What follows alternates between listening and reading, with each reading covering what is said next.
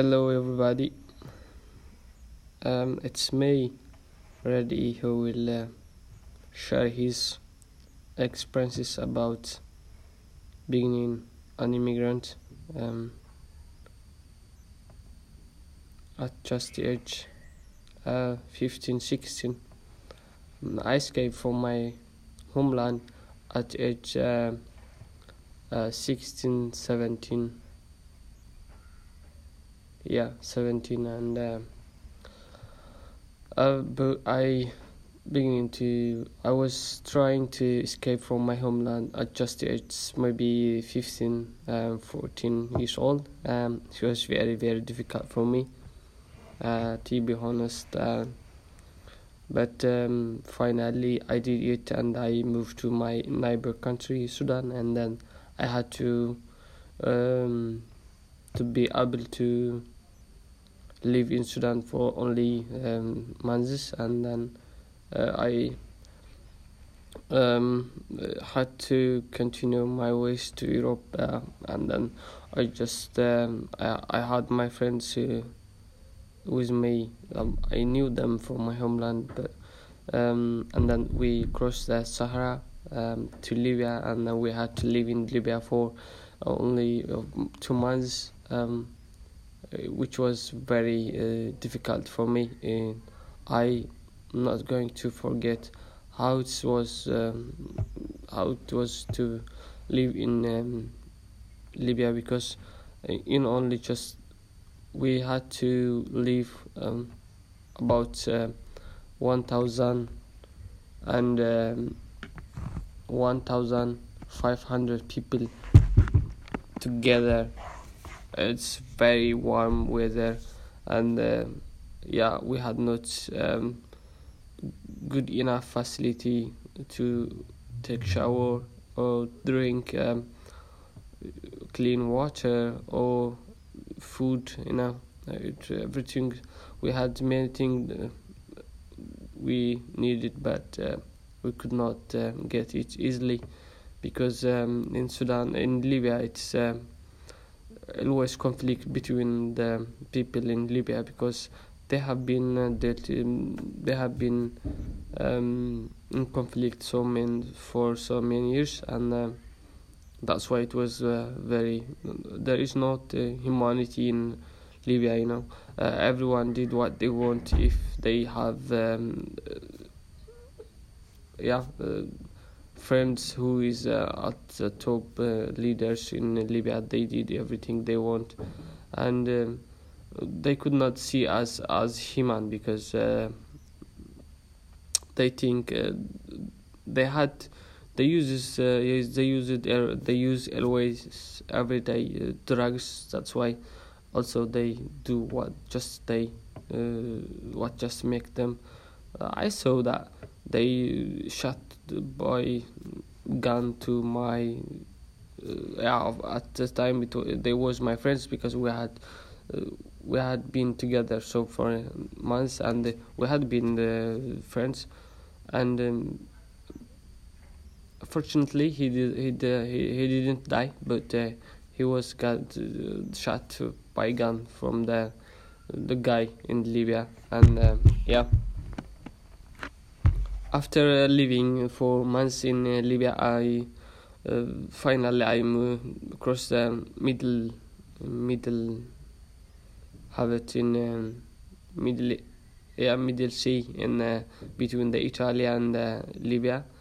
Uh, I just it took almost maybe 12 13 times hours to cross the sea and we got help from the Red Cross maybe? Uh, Red Cross. And we landed in Italy. Um, after I landed in Italy I had to choose which country I uh, should uh, go. And uh, at first time I chose uh, Germany uh, and but for after that I also chose Norway because I had uh, my brother here and uh, and I have some friends here, very close friends. Um, and then I decided to I took the decision and moved to Norway uh, in 2015 mm, and 2015 the end of the year I think uh, in the end of the year 2015 I came to Norway and I lived after that after I came to Norway I had got some uh, difficult situation because um, the Union the Europe country countries has um, system which they call Dublin and in this country if you have 10 fingers then you have to leave the country you have to live in the country for for inter for um, your whole life uh, that's how it is and uh, i had um, some kind of uh, difficult situation uh, at the beginning um, yeah um, when i came to norway um, but it took uh, for almost one year to get the um, answer uh, if I could leave or if I could uh, stay here in Norway. Um, so uh, in uh, 2016, at the end of the year, I think um, I got answer, um, and uh, finally I got that answer. I could stay here, and uh, I was very happy. It was a special day for me because uh, uh, not just for me, for my whole uh, family. They was also spent to get uh, the answer from me always. They just call me and text me if I get the answer. it was very difficult um, months for me, and um, yeah, and at this time I had so many things to think about. Uh, I had not got to answer, and I was uh, thinking, uh, should I learn the language because I will stay here? No, and my mind say to me, no, you don't need because you don't have get the answer, and you don't know if you will stay or not. So you don't need to learn the language. And the other way, the other people who was um, inspired me, they just said, oh, until you don't know if you stay or not, you have to do what you have to do. And some of them uh, give some advices that, um, which was very, um, very good for me to say it, um, because they uh, tried to help me to take it in easy and. Uh, beginning to learn the language and yeah make friends here in Norway and just yeah uh, and just be normal um, and I started to learn uh, with my friend uh, we had got uh, help from the Norwegian people um, at um, uh, camping camp, camp we say this campy um, we uh, we we had to go to school. Um, we went to school two or three days in a week, and it was um, good for us. Um, yeah. After that, I got um, to leave the the camp, camp and to leave uh, to move to the new um, place I got from the um, migrant to Norway from UD, and um, I moved and started school and and also at this time it became more difficult uh, for me because I had to take decision what should I do? Should I uh, being with my friends to not be in stress or should I be alone to learn the language and the hard uh, and just uh, be able with the stress? I chose to uh, to be alone to learn the language and uh, yeah to be to try to communicate it by this language. And it was very difficult because I got many stress because it was very difficult for me. I just go to school and back home and did not use the language I learned at school. Um, after I time years I just I began to realize that I had get um, some difficult things because uh, I had a lot of stress, you know, and uh, because I knows I was not uh, uh, I was not just always with my friend. I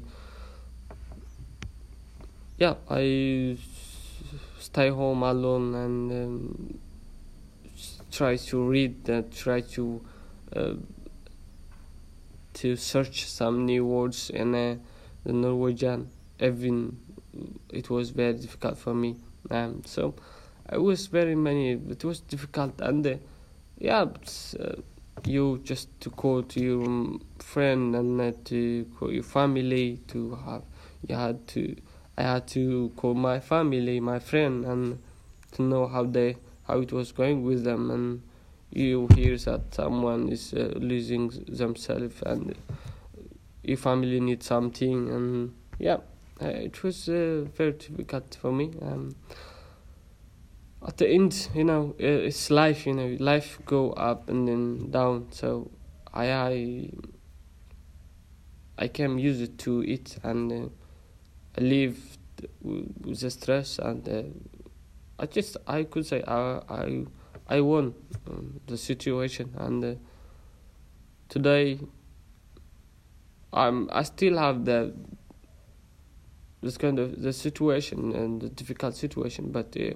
it is uh, more easy now after I moved to Oslo, and because now I have uh, my close friends here, and I just visit them the weekend, and we we are always happy to be together and we try always to to figure out what is uh, best for us and it is uh, always to have friend who can who is join with you and um, who is love who you can laugh with and uh, yeah uh,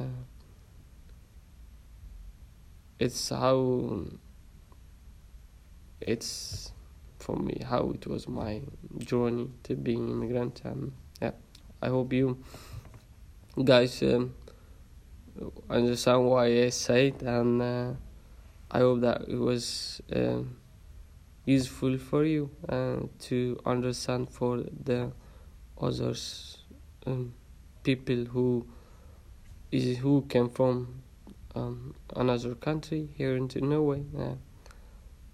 they have more uh,